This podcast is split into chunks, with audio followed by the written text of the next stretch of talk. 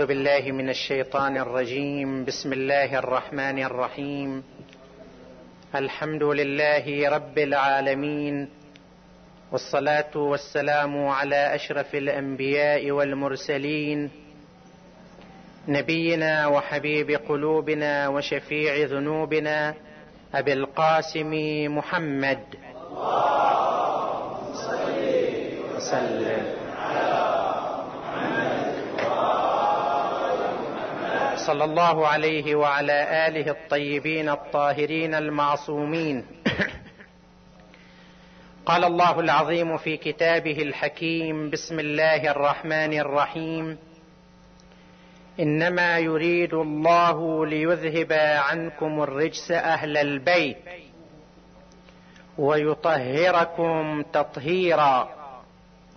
صدق الله العلي العظيم. عطروا مجالسكم بالصلاة على محمد وآل محمد. وسلم على محمد. اللهم صل وسلم.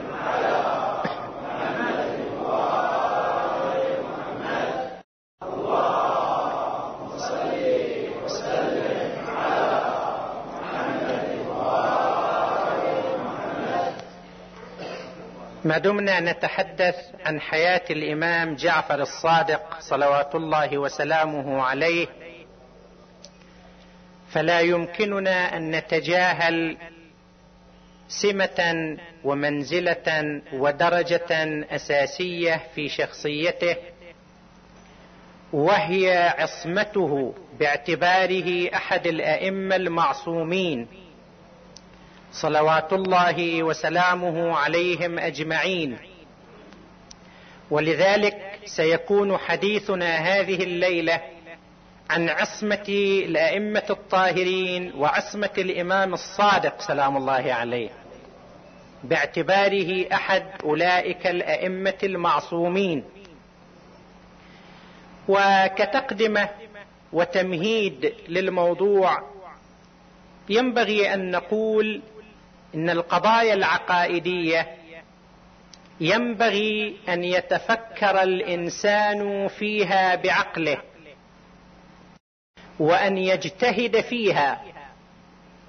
قضايا العقائد لا تكون عن طريق التقليد.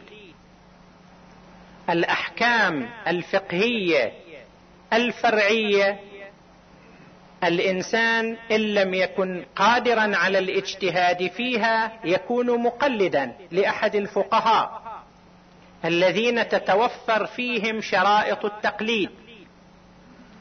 أما قضايا العقائد القضايا العقائدية لا تقليد فيها وإنما على الإنسان أن يجتهد ويفكر حتى تتوفر له المعرفة والقناعة بتلك العقائد.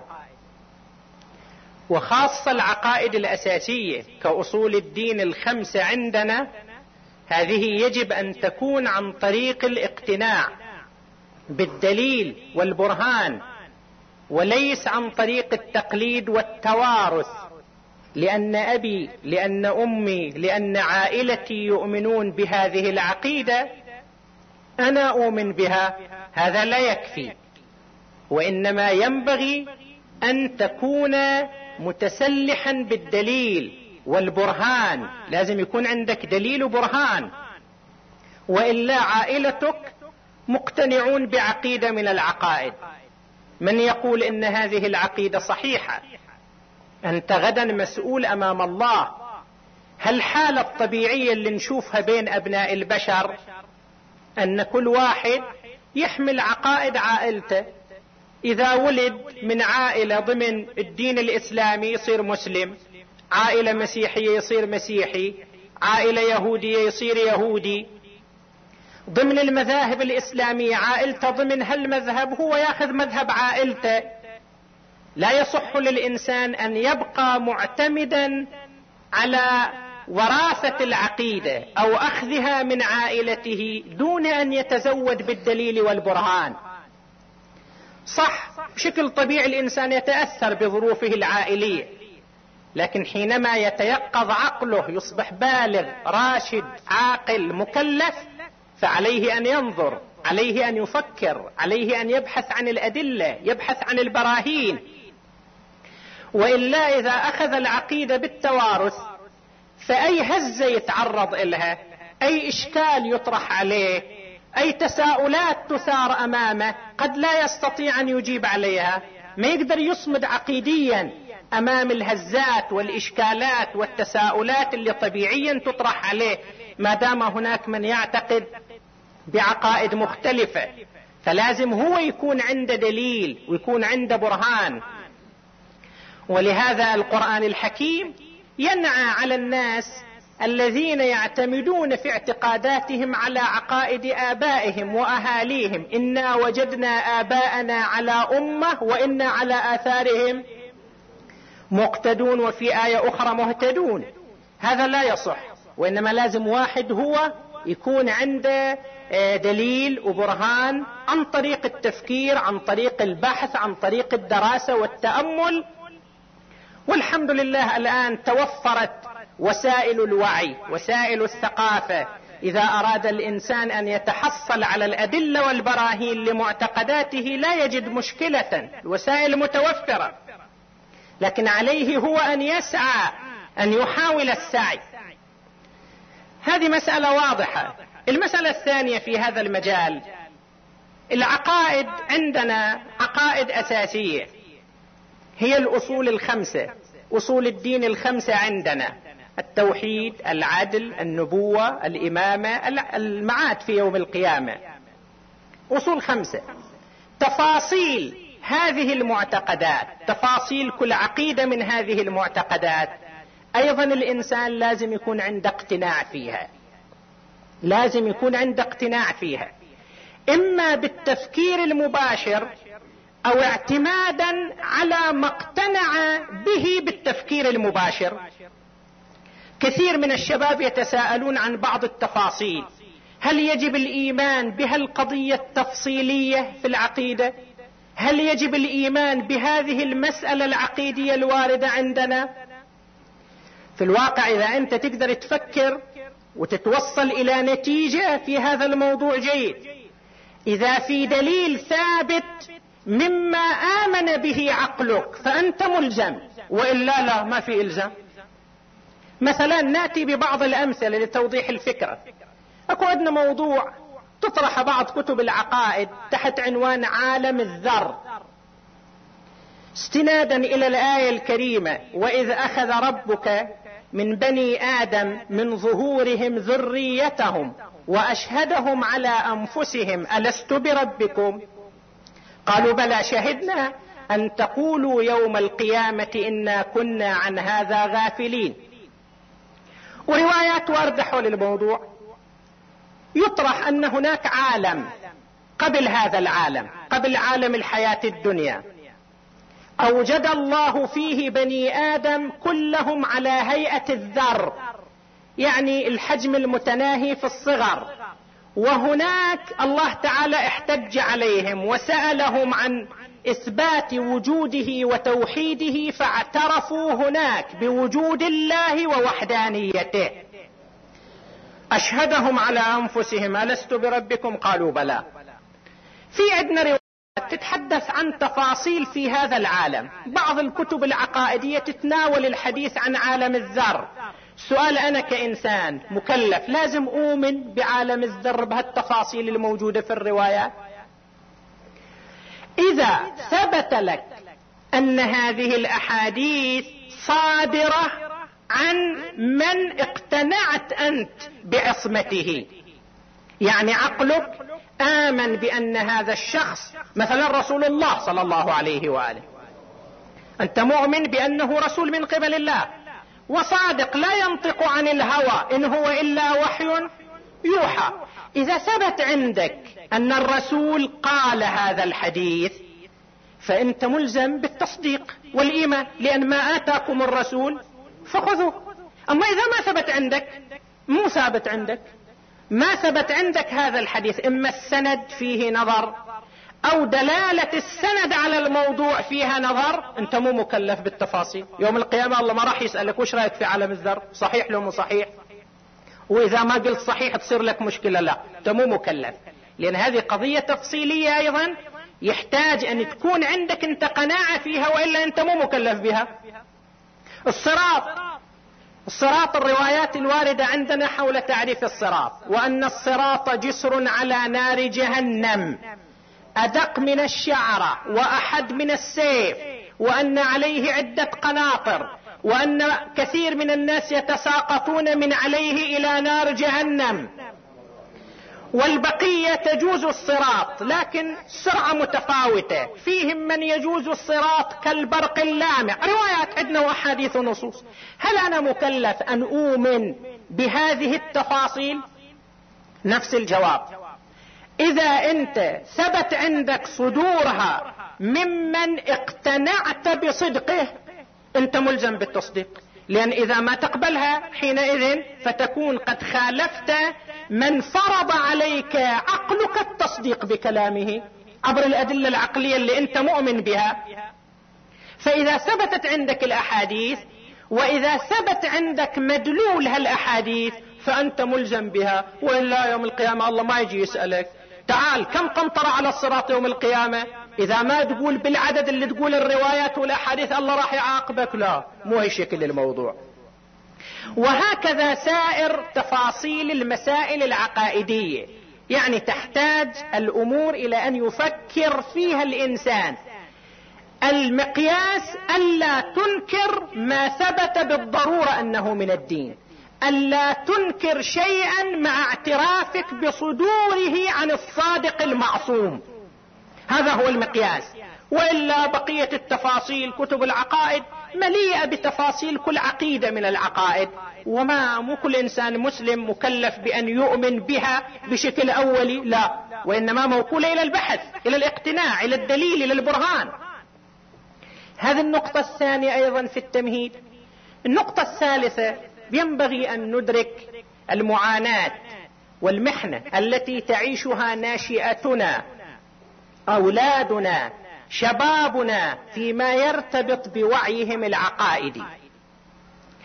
طبعا إحنا نريد ونرغب ونتمنى أن ابنائنا يحملوا معتقداتنا لأن إحنا نعتقد أن هذه المعتقدات هي حق وهي صواب ونريد أن ابنائنا يمشوا على طريقنا. يحملوا نفس المعتقدات اللي إحنا نحملها ونؤمن بها. طيب لكن كيف يمكن لهذا الجيل لهذه الناشئة لهؤلاء الشباب كيف يتسنى لهم أن يعوا وأن يدركوا وأن يتفهموا وأن يستوعبوا هذه المعتقدات؟ نشوف في تحديات عديدة. التحدي الأول هذا الموج الهادر من الثقافة المادية التي تغزو العقول والأذهان والأفكار. عبر الكتب عبر المجلات عبر التلفزيون عبر الإذاعة هالطوفان هالموج الهادر من الأفكار. هذه الأفكار هذه التيارات المادية هذه بعضها ينحرف بشبابنا يجرف بشبابنا عن جادة الدين عن طريق الدين. فهذا تحدي يعيشه الشباب. كيف يستطيعون معرفة معتقداتهم استيعاب معتقداتهم مع هذه التيارات الثقافية مع التشكيكات مع التساؤلات مع التوجهات الموجودة المطروحة؟ يمكن الآباء الكبار في السن ما كانوا في حياتهم يشعروا بهذه المعاناة. عاشوا في جو محافظ عاشوا في أجواء محدودة. لكن هؤلاء الأبناء بالفعل يعيشون معاناة كبيرة. هذا الولد اللي تخليه يروح يبتعث إلى الخارج يدرس برا في أمريكا في أوروبا. هناك ماذا يجد أمامه من أفكار من آراء من تيارات من عقائد؟ كيف يستطيع أن يتمسك بعقيدته ومعارفه في وجه تلك الأعاصير في وجه تلك الأمواج الهادرة؟ هذا جانب. الجانب الثاني من المعاناة التناقضات المذهبية الموجودة في الأمة الإسلامية. كيف يستطيع الطفل الناشئ الشاب كيف يستطيع أن يتجاوز مضاعفات هذه التناقضات؟ يشوف نفسه محشور في هالتناقضات.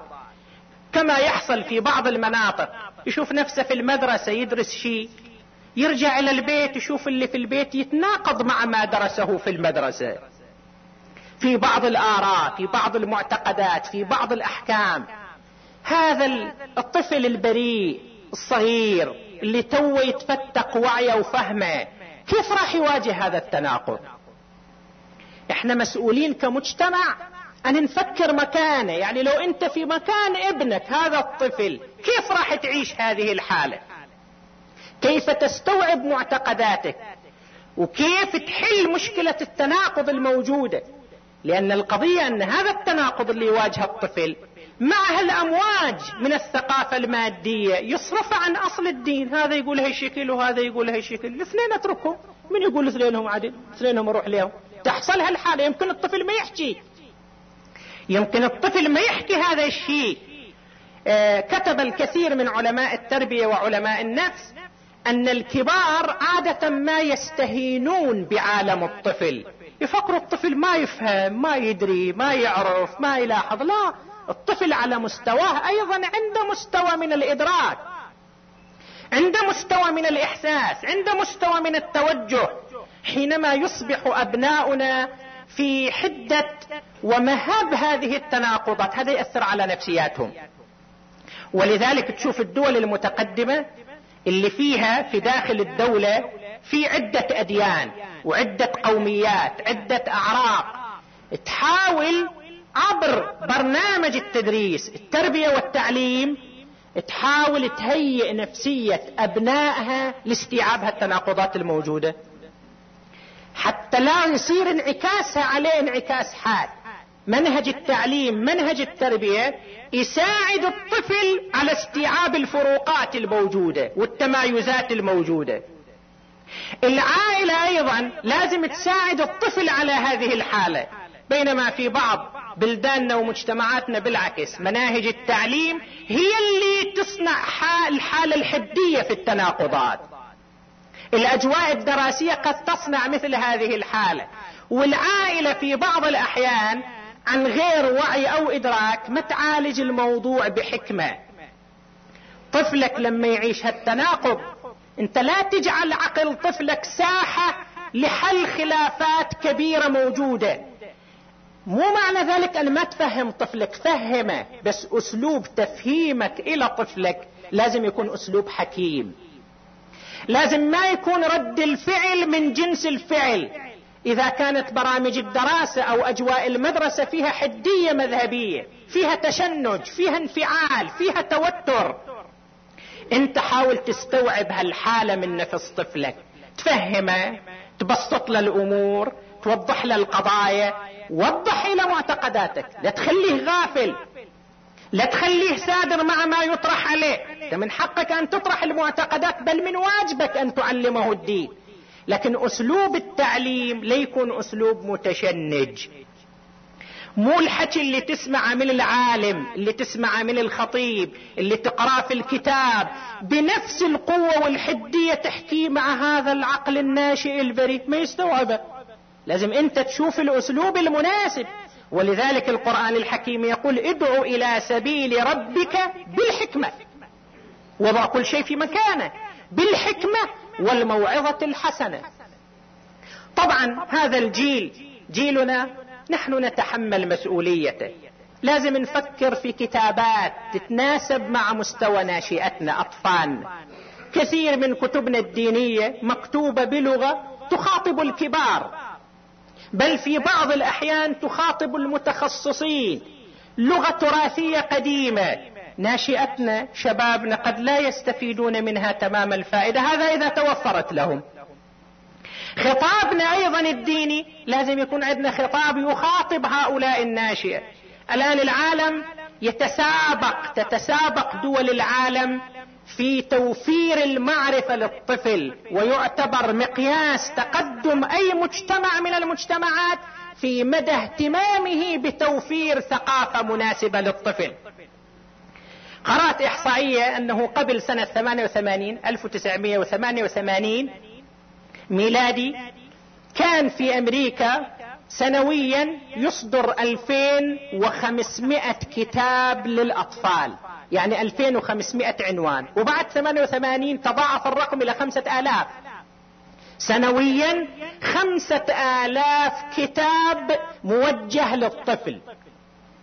أما المجلات أكثر من مئتين مجلة متخصصة موجهة للأطفال يطبع منها سنويا أربعمائة مليون نسخة للأطفال. وإذا تروح أي مكتبة من المكتبات الغربية تشوف جناح خاص لكتب الأطفال. كتب مجلات نشرات تتخاطب مع الأطفال. بينما تجي إلى ساحتنا الدينية ترى أن هذا الجانب شبه معدوم يعني. وين المجلات؟ وين الكتب؟ وين الأشرطة؟ وين الخطابات اللي تتخاطب مع الأطفال؟ مع الناشئة؟ مع الشباب في بداية حياتهم؟ عندنا نقص كبير. ومع ذلك نريد أن شبابنا يحملوا ديننا ويتمسكوا بدينهم يتمسكوا بمعتقداتهم. هذا لا يتحقق إذا لم نبذل جهدا عقائديا يعني في توعية أبنائنا وناشئتنا في هذا المجال. بعد هذه المقدمات البسيطة ندخل في موضوع العصمة. عصمة الأئمة الطاهرين عصمة أهل البيت صلوات الله وسلامه عليهم. ماذا نقصد بالعصمة؟ ماذا نقصد بالعصمة؟ نقصد بالعصمة شيئين. الشيء الأول يعني للتبسيط. ماذا أتحدث بتعريف علمي أكاديمي؟ أتحدث للتبسيط. التزام الإمام الكامل بتعاليم الدين. يعني أن الإمام لا تصدر منه مخالفة لأحكام الدين وتعاليم الدين. هو يكون التزام حرفي كامل بالدين. لا يصدر منه خطأ لا يصدر منه ذنب لا تصدر منه معصية. هذا جانب. والجانب الثاني أيضا تبليغه عن الدين يعني ما يطرحه من آراء ومن مسائل لابد وأن تكون صائبة صوابية التبليغ. أن ما يطرحه ويقوله للأمة عن الدين هذا أمر لازم يكون صحيح. مية في المية لا يحتمل الخطأ. يعني بعبارة أخرى نحن نعتقد أن الأئمة ما يطرحونه للناس ليس اجتهادات قابلة للخطأ والصواب. كما هو الحال في بقية العلماء بقية الصحابة اجتهادات يجتهد قد يخطئ وقد يصيب. نحن نعتقد أن الإمام المعصوم ما يطرحه إنما هو حق وصدق وصواب. كيف؟ روايات عندنا في هذا المجال. يسأل الإمام الصادق عليه السلام. ما تقولونه ما تفتون به هل هو من رأيكم؟ الإمام يقول لو كنا نفتي الناس برأينا لهلكنا وأهلكنا. وإنما هو علم ورثناه من رسول الله صلى الله عليه وآله. كابر عن كابر؟ فالعصمه عندنا تعني هذين الأمرين. وهي نفس الصفة التي يعتقد فيها المسلمون بالنسبة للأنبياء والرسل. شلون النبي الرسول لازم يكون معصوم؟ في سلوكه في التزامه وفي تبليغه عن الله. ماكو أحد من المسلمين يحتمل أن النبي يبلغ عن الله حكم لكن غلط أو ساهو أو غفلة أو لمصلحة. هل أحد من المسلمين يعتقد هذا الشيء في الرسول؟ كلا. اسمه التبليغ مقطوع بها وما ينطق عن الهوى إن هو إلا وحي يوحى. ولذلك ألزم المسلمون بالقبول. ما آتاكم الرسول فخذوه وما نهاكم عنه فانتهوا. وإلا إذا الرسول يجوز عليه الخطأ يجوز عليه النسيان يجوز عليه الاشتباه يجوز عليه الساهو. فاذا الشك يصير وارد في كل حكم من الأحكام التي كان يبلغها. هذا ما نعتقده بالنسبة للعصمة. يعني الامامه عندنا امتداد للنبوة. قلنا سابقا الإمام عندنا مو فقط وظيفته الحكم والسلطة. الحكم والسلطة هذه وظيفة ثانوية. سواء حكم الإمام الأمة أو لم يحكم هو إمام. دانت له الأمة أو لم تدل هو إمام. الوظيفة الأساسية والجوهرية تبليغ الشريعة. تبيين الدين في عقيدته وشريعته. هذه الوظيفة الأساسية لا يمكن أن تتم وتكتمل إلا إذا اعتقدنا بعصمة الإمام المعصوم. طيب ما هي أدلتنا على عصمة الأئمة؟ عقلا هذا أنه ما دام الإمام يبلغ عن الشرع عن الدين فلا بد وأن نعتقد بصدق ما يبلغه وصحة وصوابية ما يبلغه. وإلا إذا ما اعتقدنا هالشكل فمحتمل أن الإمام يقول لنا شيء خطأ. يقول لنا شيء غلط. يقول لنا شيء من وحي المصلحة الذاتية ما دام معصوم يجوز عليه كل شيء. فإذا ما يكون عندنا قطع بصوابية وصحة ما يصدر عن الإمام وإحنا نريد صوابية وصحة ما يصدر عن الإمام. ونرى ذلك كما نرى في الرسول صلى الله عليه وآله. أما من ناحية النقل آيات قرآنية نستدل بها على عصمة أهل البيت وروايات أيضا عندنا نستدل بها على عصمة أهل البيت. من الآيات نكتفي بهذه الآية الكريمة إنما يريد الله ليذهب عنكم الرجس أهل البيت. ويطهركم تطهيرا. لاحظوا هذه الآية. إنما إنما للحصر. يعني الله يريد هذا الشيء فقط. حصر لإرادة الله هنا في هذا المجال. الإرادة هنا متوجهة لهذا الشيء. وبعدين الضمير عنكم يعني تخصيص وحصر للمخاطبين. إرادة الله متوجهة لإذهاب الرجس عنكم أهل البيت فقط. إنما يريد الله ليذهب عنكم الرجس أهل البيت. طيب يريد الله شنو معناه البعض من المسلمين قالوا يريد إرادة تشريعية. يعني يا أهل البيت الله نزل لكم الدين ونزل الأحكام. حتى أنتم تطهروا من الذنوب والمعاصي. يعني أراد إرادة تشريعية. إرادة تشريعية أن أنتم تتطهروا من الذنوب والمعاصي. طيب الإرادة التشريعية هذه لا تختص بأهل البيت. بس أهل البيت الله يريدهم يبتعدوا عن الذنوب والمعاصي. كل الأمة. الله أنزل الدين وأنزل الشريعة وأنزل الأحكام حتى كل الناس يبتعدوا عن المعاصي والذنوب. شنو الحصر إنما؟ والخطاب. الحصر في الخطاب عنكم فقط أنتم شنو الميزة يعني في هذا المجال؟ خب هم زيهم زي سائر الأمة في هذا المجال. إذا كان المقصود هي الإرادة التشريعية.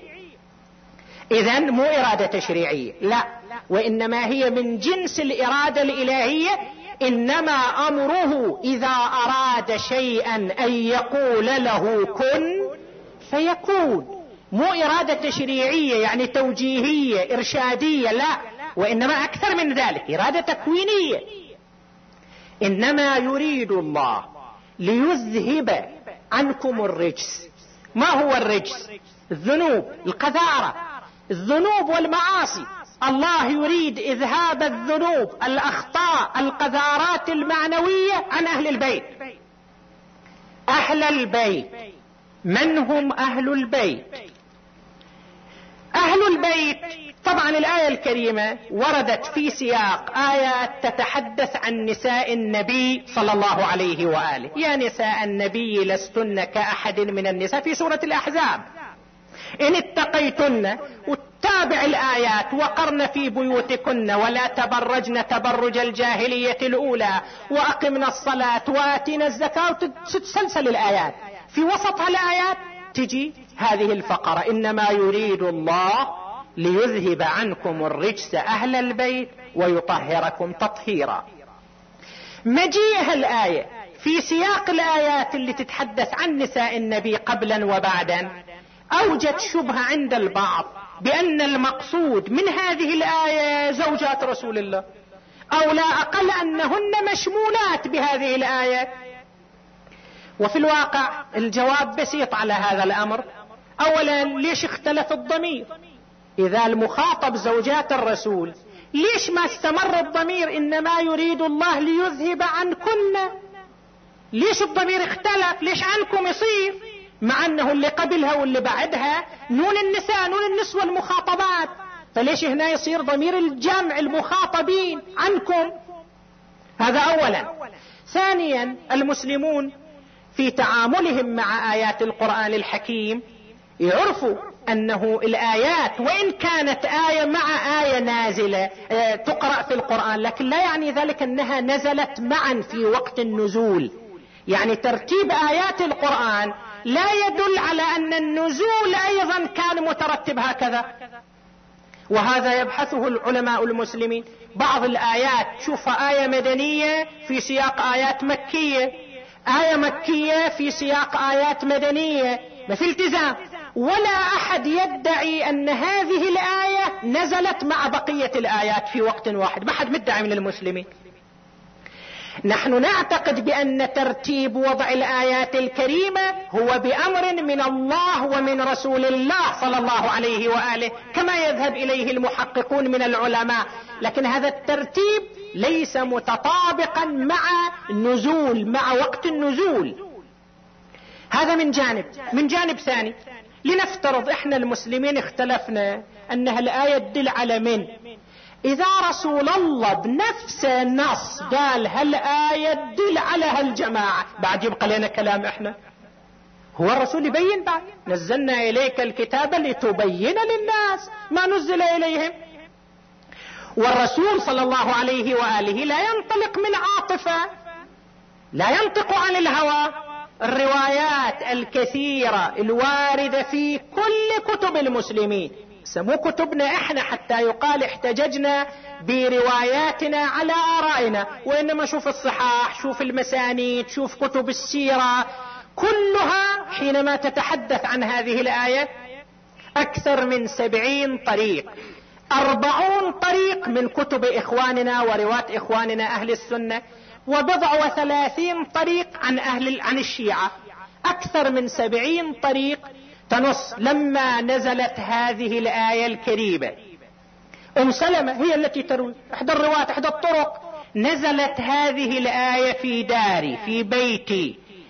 فدعا رسول الله صلى الله عليه وآله عليا وفاطمة والحسنين ثم غطاهما بكساء له ثم قال اللهم إن هؤلاء أهل بيتي أذهب عنهم الرجس وطهرهم تطهيرا.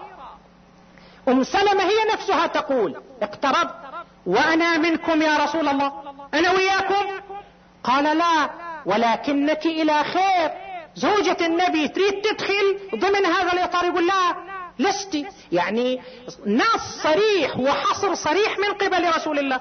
فإذا رسول الله هو ينص وهو يحصر فحتى لو فرضنا أن في شبهة في الموضوع في احتمال في الموضوع ما يقوله رسول الله صلى الله عليه وآله ألا يكون حسما وفصلا في الموضوع؟ إذا لم نحتكم إلى رأي رسول الله فلرأي من نحتكم. وأكثر من هذا الروايات الواردة في مختلف الكتب أن رسول الله صلى الله عليه وآله كان يتعمد لفترة طويلة أن يحدد أهل البيت المقصودين في هذه الآية. يقول أبو الحمراء عددت على رسول الله ثمانية أشهر. كل غداة عند الصلاة يأتي إلى باب دار علي. فيمسك بيده جنبة الباب ثم يقول الصلاة إنما يريد الله ليذهب عنكم الرجس أهل البيت ويطهركم تطهيرا. ابن عباس يقول تسعة أشهر رأيت رسول الله تسعة أشهر عند وقت كل صلاة يأتي إلى باب دار علي ويقول السلام عليكم أهل البيت إنما يريد الله ليذهب عنكم الرجس أهل البيت. ثمانية أشهر أو تسعة أشهر. هذه أليست كافية لتفسير هذه الآية ولتبيين المقصودين بهذه الآية؟ إضافة إلى أنه إذا كان في احتمال أن الآية تعني زوجات رسول الله أو أنها شاملة لزوجات رسول الله ما ورد في التاريخ أن واحدة من زوجات النبي ادعت ذلك؟ بالعكس السيدة عائشة فسرتها بأهل البيت علي وفاطمة والحسنين. أم سلمة أيضا كما سمعتم في الرواية. فإذا كانت الآية تعني نساء النبي أو تشمل نساء النبي لماذا لا نجد واحدة منهن تدعي هذا الأمر وتقول بهذا الأمر؟ ويبدو أن المسلمين في عهدهم الأول كان واضح عندهم أن المقصود من أهل البيت هم أهل البيت علي وفاطمة والحسنة. هذا واضح عند المسلمين. متى بدأ طرح أنها شاملة إلى نساء النبي أو بعض أقرباء النبي. العلماء المحققون حينما بحثوا ونقبوا شافوا أصل هذا الموضوع. واحد يقال له عكرمة مولى عبد الله بن العباس. ومقاتل هالشخصان هما أول من طرح هذا الاحتمال. وحينما عكرمة طرح هذا الاحتمال المسلمون ما كانوا يقبلون منه. ولذلك الرواية تقول كان يخرج إلى السوق أكرم نفسه ويصيح في السوق أيها الناس ليس كما تدعون ليس كما ترون أباهلكم أنها نزلت في نساء النبي. يعني الناس رأيهم أنها في أهل البيت. هذا تو يطلع برأي جديد. ليش أكرم عند هذا الرأي؟ اكرم معروف عنه أنه كان من الخوارج. الذين يرون رأي الخوارج من الخارجين على أمير المؤمنين علي بن أبي طالب. طيب رجال رجل يعتقد أو يطرح كفر علي بن أبي طالب. الخوارج هذا رأيهم كفر. لقد كفر الرجل. هذا الرجل اللي هالشكل رايه في الإمام علي. هل تريد منه أن يعترف بعصمة الإمام علي؟ طبيعي لازم يطرح هذا كتبرير لرأيه وموقفه. وإلا الامه تحتاج عليه كيف أنت تقول بكفر علي تخطئ علي والآية الكريمة نزلت إنما يريد الله ليذهب عنكم الرجس؟ فتبرير لموقفه صار يطرح هذا الموضوع. وإذا قرأنا كتب الرجال اللي تتكلم عن عكرمة لأن المسلمون لعنايتهم بالأحاديث صار عندهم علم دراية علم رجال كل حديث يشوف رواته. من روى هذا الحديث؟ وهذا الراوي ثقة؟ يعتمد عليه ولا لا؟ لأن الرسول صلى الله عليه وآله قد حذر الأمة ستكثر علي الكذابة فمن كذب علي متعمدا فليتبوأ مقعده من النار. فلازم ندرس نشوف هذا عكرمة. هذا يعني ثقة. نقدر نعتمد على حديثه. بغض النظر عن موقفه وكونه من الخوارج معروف بكذبه. معروف بأنه كان وضاعا وقد أكثر من الكذب على عبد الله بن عباس. استغل علاقته كون مولى لابن عباس أكثر من الكذب عليه. حتى أصبح مثال في التاريخ في ترجمة ابن عمر عبد الله بن عمر. ابن عمر يخاطب مولاه يقول له إياك أن تكذب علي كما كذب أكرم على ابن عباس. يعني صار مثال في الكذب. ابن المسيب أيضا يلتفت إلى مولاه يقول إياك أن تكذب علي مو مولاي دائما وياي وتروح تقول للناس حديث كذب. إياك أن تكذب علي كما كذب اكرمه على ابن عباس. يعني صار مثل في الكذب اكرمه ومعروف لمن يقرأ ترجمته. فاذا كيف إحنا نعتمد على هذا الطرح اللي يطرحه؟ اذا واضح عندنا أن أهل البيت هم علي وفاطمة والحسنات. والآية الكريمة نصت إنما يريد الله حصر والإرادة مو تشريعيه ليذهب عنكم الرجس الذنوب المعاصي أهل البيت ويطهركم تطهيرا. هذا تدبر سريع في الآية الكريمة. طبعا العلماء ما قصروا كتبوا كثير حول هذه الآية وتحقيق حولها ومناقشة كل الاحتمالات. أما من السنة يكفي أن نستشهد بحديث واحد هو حديث الثقلين. قال رسول الله صلى الله عليه وآله يوشك أن أدعى فأجيب. وإني مخلف فيكم الثقلين. كتاب الله حبل ممدود بين السماء والأرض وعترتي أهل بيتي. ما إن تمسكتم بهما لن لن تضلوا أبدا وإنهما وفي نص وقد أخبرني اللطيف الخبير أنهما لن يفترقا حتى يرد علي الحوض. هذا الحديث أيضا مروي في كل الكتب في كل الصحاح وحسب ما يقول العلامة السيد محمد تقي الحكيم حفظه الله. صاحب كتاب الأصول العامة للفقه المقارن وهو جدا علمي ورائع وجميل يقول أفضل من بحث هذا الحديث تفهما وموضوعية هو ابن حجر. ابن حجر اللي معروف بأنه عنده آراء يخالف فيها الشيعة بس في هالحديث هو أفضل من بحث هذا الحديث تفهما وموضوعية. ليش؟ لأن من خلال هالحديث ابن حجر أثبت أن هذا الحديث يدل على أن العترة الطاهرة لا تفترق عن كتاب الله. وهذا دلالته على العصمة شنو يعني ما تفترق عن كتاب الله؟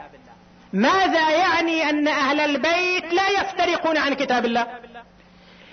إذا كان الخطأ والمعصية والانحراف أمر وارد إذا واحد انحرف حينما ينحرف يعصي يذنب يكون مرافقا لكتاب الله في حالة انحرافه؟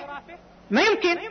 ما دام أخطأ أذنب لا أقل في حالة ذنبه انحرافه يكون مخالفا لكتاب الله. الرسول يقول لن يفترقا. ما في افتراق. يعني لا يمكن تصور الافتراق في أي لحظة من اللحظات في أي ظرف من الظروف في أي مناسبة من المناسبات. وطبعا كتاب الله لا يأتيه الباطل من بين يده ولا من خلفه.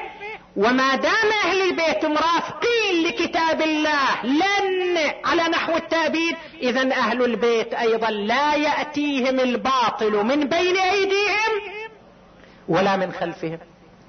هذا واضح ما ما يحتاج يعني زيادة استدلال.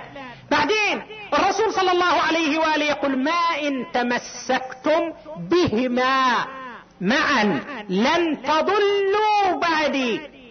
يعني الضلال يصيب الأمة إذا انحرفت عنهما أو عن أحدهما. أما إذا تمسكت ما في ضلال.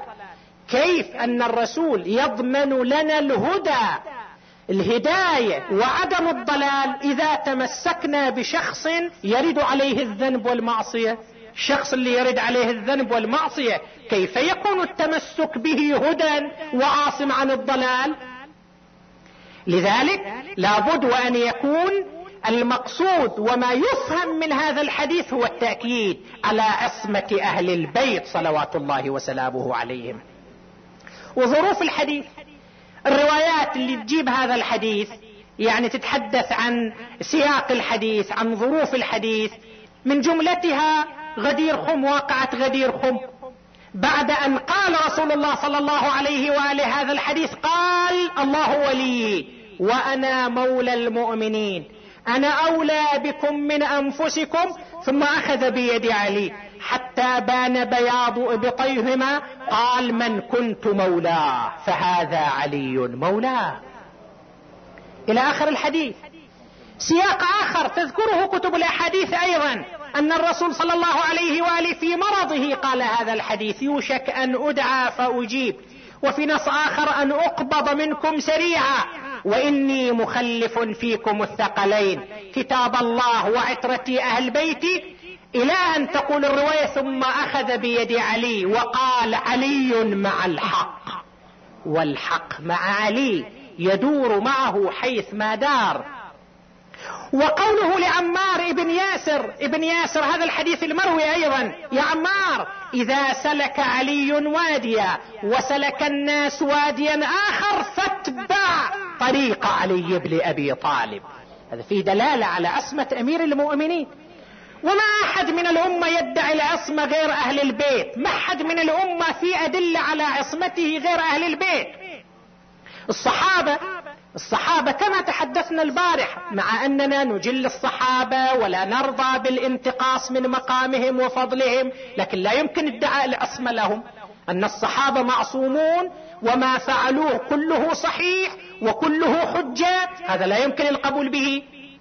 والاحاديث اللي مطروحة أصحابي كالنجوم بأيهم اقتديتم اهتديتم هذا في نقاش في السند في نقاش في المتن في نقاش. ليش؟ لأن القرآن الحكيم أخبر عن وجود حالات سلبية في أوساط الصحابة. الرسول صلى الله عليه وآله أيضا أخبر في حياته وبعد وفاته ولا مجال لذكر هذه الأحاديث. يكفي قضية جيش أسامة المتخلفين عن جيش أسامة. الصحابة نفسهم أيضا فيما بينهم اختلفوا في آرائهم ومواقفهم. فكيف تكون العصمة لمجموع المواقف المختلفة والمتناقضة؟ هذا لا يمكن. إجلال الصحابة احترام الصحابة بشكل عام هذا مطلوب من الإنسان المسلم. الانتقاص السب الشتم هذا ليس صحيح وليس وارد كما تحدثنا البارحة. لكن القول بعصمتهم القول بحجية أقوالهم وأعمالهم هذا بحث آخر. هذا لنا فيه تحقيق لنا فيه كلام لنا فيه معتقدات معينة لنا أدلتها. وإذا تجاوزنا هذه الأدلة العقلية والنقلية تعالوا نقرأ تاريخ أهل البيت وحياة أهل البيت. هم يطرحون عصمة أنفسهم وأتباعهم يرون عصمتهم. الأضواء كانت مسلطة عليهم. ليش؟ لأن السلطات اللي عاصرتهم كانت ضدهم كانت ضدهم. المنافسون لهم أصحاب الاتجاهات المختلفة والمخالفة كانوا يترصدون بهم المراصد بغض النظر عن الاعتقاد وعن النظريات. حياة أهل البيت لو كان في حياة أهل البيت مجال للانتقاد للانتقاص. لو أن أحد من أئمة أهل البيت صدر منا ذنب أو معصية أو خطأ أو انحراف موجودة سلطات تستغلها الفرصة لأن السلطات تريد أي فرصة في المعارضة وتشهر بها وتبث الإشاعات ضدها وبالفعل حاولوا الأمويون والعباسيون حاولوا اختلاق الأحاديث وضع الروايات والموضوعات لكن هل استطاعوا أن يجدوا ولو مستمسك واحد ولو نقطة واحدة في حياة أهل البيت؟ يعرضونها على الأمة كدليل على أن أهل البيت انحرفوا أو خالفوا؟ ابدا. بالعكس إذا قرأنا تاريخ أهل البيت في الواقع نجده أنصع تاريخ. شوف اللي كتبوا عن أهل البيت من كل المسلمين مو كتاباتنا. شوف ابن طولون المؤرخ المشهور في كتابه الأئمة الاثني عشر. شوف ابن حجر في كتابه الصواعق المحرقة. شوف حتى ابن تيمية في كتاباته عن أهل البيت أيضا. والأحاديث التي رواها في هذا المجال ما حد يستطيع أن يضع يده على عثرة على سقطة على غلطة على خطأ ولو بسيطة في حياة أهل البيت. أليس في ذلك دليل؟ أليس في ذلك برهان واضح ساطع؟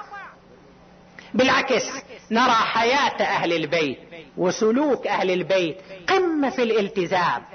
وهذا هنا لازم أيضا إحنا ناخذ منه دروس. الناس اللي يريدوا يسيروا على طريق أهل البيت اللي يعتبروا أنفسهم أتباع أهل البيت. اللهم اجعلنا من أتباعهم من شيعتهم من مواليهم.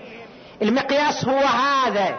هو مقياس السير على خط أهل البيت محاولة التشبه بهم. التشبه بهم السير على طريقهم التخلق بأخلاقهم. بالمقدار الممكن ألا وإنكم لا تقدرون على ذلك ولكن أعينوني بورع واجتهاد. طبعا بقيت نقطة كان لازم نناقشها أن هل العصمة تقتضي الإجبار؟ يعني المعصوم مجبر على الطاعة وما يقدر هو يسوي المعصية. هذا يحتاج بحث مفصل لكن يمكن ما تتاح لنا فرصة أخرى. إشارة نقول العصمة للنبي أو للإمام لا تعني الجبر على الطاعة. وإنما تعني وجود المستوى النفسي والعقلي عنده لتجاوز المعصية يعني أن ما يقبل على معصية. نفسيته ذهنيته وعيه لا يجعله يقبل على معصية. يستطيع أن يعمل المعصية. ما مسلوب منا الإرادة ما مسلوب منا الاختيار. لكنه باختياره نظرا لما يتمتع به من نفسية من نضج من مستوى لا يقترب للمعصية. وإذا أردنا مثال بسيط الإنسان العارف بالقضايا الصحية حينما أو حتى الإنسان العادي إذا شاف امامه طعام ملوث طعام أفضل طعام عصير أفضل عصير قدامك لكن وقعت فيه حشرة سامة وقع فيه آه، قذارة في هذا الشراب هل في احتمال أنت تشرب أو تتناول هذا الطعام؟ ما تتناوله. انت مو مسلوب الارادة لكن في تقزز عندك نفسي. ما في احتمال أصلا أن أنت تتناوله. ما في احتمال تتناوله. انت مو مسلوب الارادة والاختيار. لكن عندك حالة نفسية ذهنية تمنعك من الاقتراب. المعصوم هكذا قلت هذا على نحو السرعة وإلا المعصوم يستطيع. أما لو شئت لاهتديت الطريق إلى مصفى هذا العسل. هذا كلام أمير المؤمنين علي بن أبي طالب. يقدر يقدر يوصل إلى العسل المصفى. أما لو شئت لاهتديت الطريق إلى مصفى هذا العسل. ولباب هذا القمح ونسائج هذا القز. ولكن هيهات أن يقودني جشعي. هيهات ان يغلبني هواي أو يقودني جشعي إلى تخير الأطعمة ولعل بالحجاز أو اليبابه إيه هذه العصمة هذه العصمة هو مختار يقدر. والله لين أبيت على حسك السعدان مساهدا أو أجر في الأغلال مصفدا. أهون علي من أن ألقى الله ورسوله يوم القيامة ظالما لأحد من العباد أو غاصبا لشيء من الحطام. بعد تريد نموذج آخر؟ والله لو أعطيت الأقاليم السبع بما فيها وما تحت أفلاكها على أن أعصي الله في نملة أسلبها جلب شعيرة لما فعلت. هذا هذه الأصل هذه الأصل يصرح بها علي ويعلنها على رؤوس الملأ وهكذا كان أبناء علي. طيب أهل البيت فاطمة وعلي والحسنان واضح أنهم معنيون ومعصومون. أبنائهم كيف؟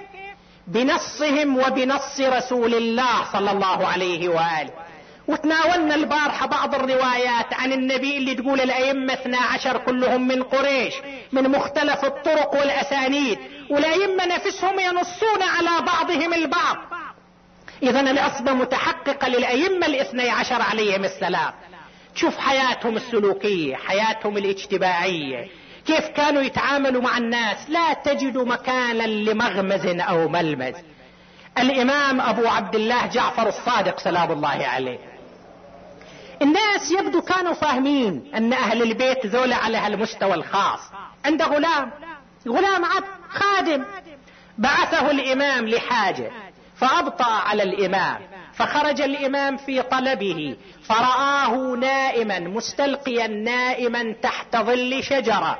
فلم يشأ الإمام أن يعكر عليه صفو نومه وراحته. جلس عنده وفي بعض الروايات يظلل عليه أو يعفعف عليه. حتى جلس الغلام استيقظ من نفسه. التفت إليه الإمام. قال يا هذا ألم نتفق معك أن يكون الليل لك والنهار لنا؟ معنى طول الليل إلا ليلك. النهار شغل خدمتنا. ألم نتفق معك أن يكون الليل لك والنهار معنا؟ قال نعم يا ابن رسول الله. فما حملك على ما صنعت؟ قال لأني أمنت عقوبتك. هذا ما تسوي فيه شيء.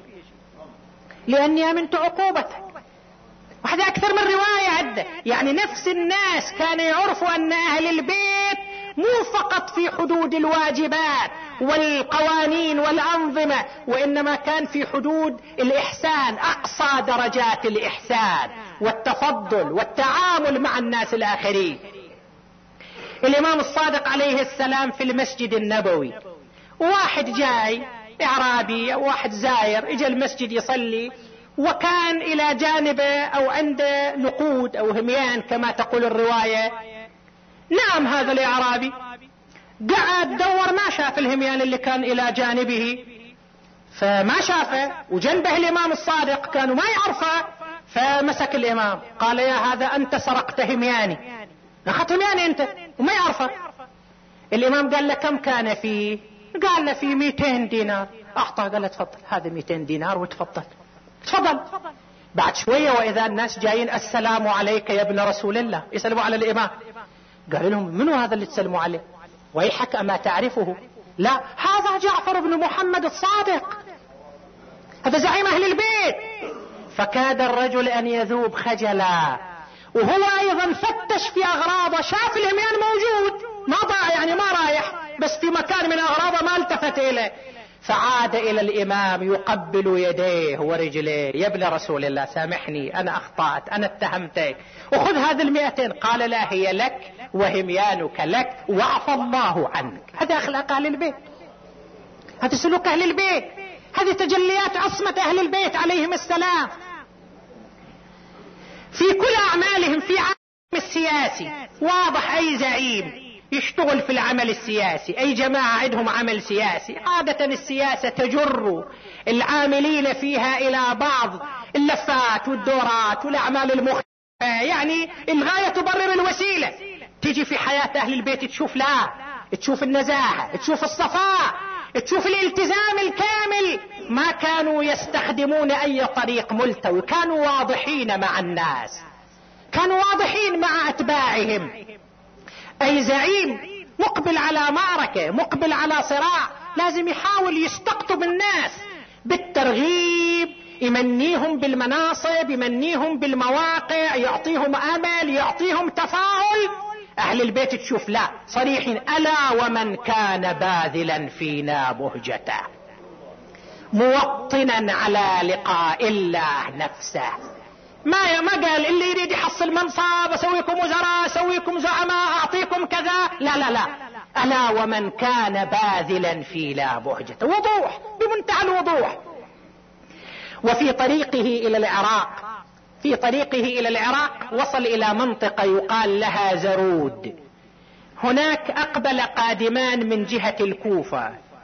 قادم عفوا من جهة الكوفة. أراد الإمام أن يستوقفه ويسأله عن أخبار الكوفة فلم يتأتى ذلك. راح القادم شق طريقه.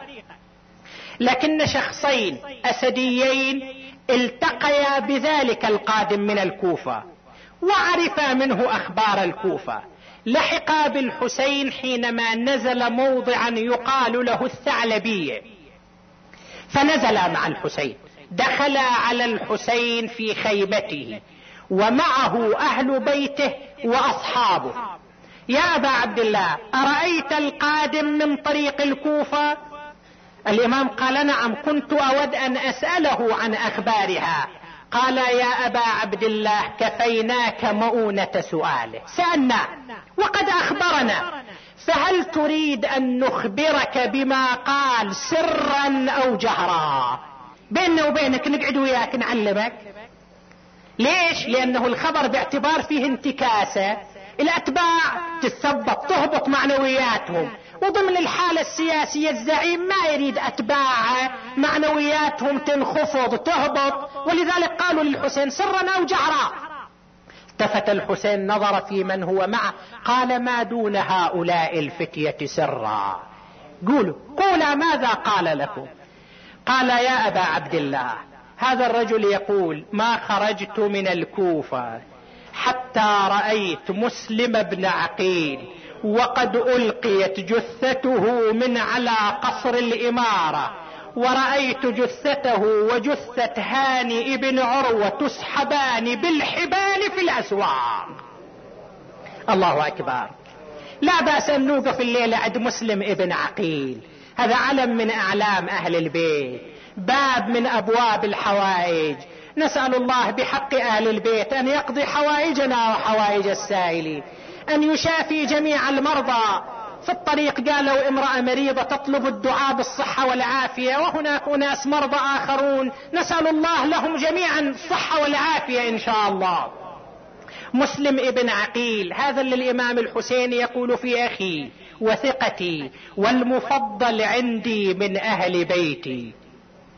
مسلم ابن عقيل إذا واحد يتأمل ما حصل له الإنسان الغريب بلد بكاملها تطبق على محاربته ومناواته يمشي في طرقات الكوفة بعد الصلاة بعد أن بايعه الألوف. عشرات الألوف يخلص من صلاته يلتفت يمنة ويسرى فلا يجد أحدا. يمشي في شوارع الكوفة يبحث عن مأوى يبحث عن ملجأ يلجأ إليه وبعد ذلك حل به ما حصل. خلينا بس نوقف عند مقطع واحد من مقاطع مصيبة مسلم. بكى الحسين وبكى أهل بيته ثم قام الحسين لساعته. انصرف إلى الخيمة. نادى أخته زينب أخي زينب أجابته بالتلبية زينب أين حميدة بنت مسلم ابن عقيل؟ عند بنية طفلة صغيرة السن نسأل الله أن يحفظ أطفالكم أطفالنا وأطفالكم. إن شاء الله ما تشوفوا لوعة يتيم. الحسين قال أين حميدة بنت مسلم؟ ائتي لي بها حتى أعزيها وأسليها على الوفاة ومصرع أبيها. راحت زينب صاحت حميدة حميدة. اتعجبت الطفلة الصاير صاير شي صاير حدث. الحسين يدعوك إليه. أقبلت حميدة مسرعة أجلسها الحسين في حجره. صار يمسح على رأسها. طفلة مؤدبة تعرف التعاليم تعرف أخلاق الإسلام تشوف الحسين يمسح على رأسها فاحست الشر. قلبي كسرت يا غريب الغاضرية مثل اليتامى تمسح بيدك علي بمسحك على تركت القلب ذايب هذه عمي من علامات المصاق وانفجع قلبي للنبو بسفر غاد سافر عسى الله يرجع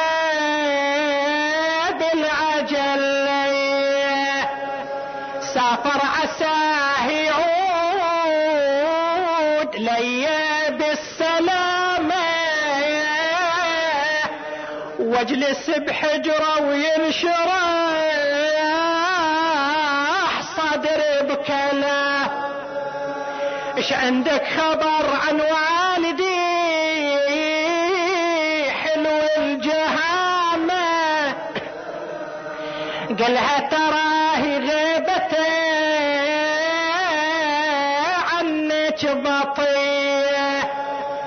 عندي خبر عن حال مسلم يا حزينة. يقولون من قصر الإمارة دابينا وبالحبل وسط السوق جثته لئن تقضي نحبا فكم في زرود عليك العشية من نائحة. اللهم صل على محمد وآل محمد. اللهم اجعلنا في هذا الشهر الشريف من عتقائك من جهنم وطلقائك من النار ومن سعداء خلقك بمغفرتك ورضوانك يا كريم. شافي مرضانا ومرضى المؤمنين. خصوصا من أوصانا بالدعاء. اقض حوائجنا وحوائج السائلين. غير سوء حالنا بحسن حالك. اللهم آمنا في أوطاننا. لا تسلط علينا من لا يخافك ولا يرحمنا. وإلى أرواح أمواتنا وأموات الحاضرين والمؤمنين والمؤمنات نهدي للجميع ثواب الفاتحة مع الصلوات.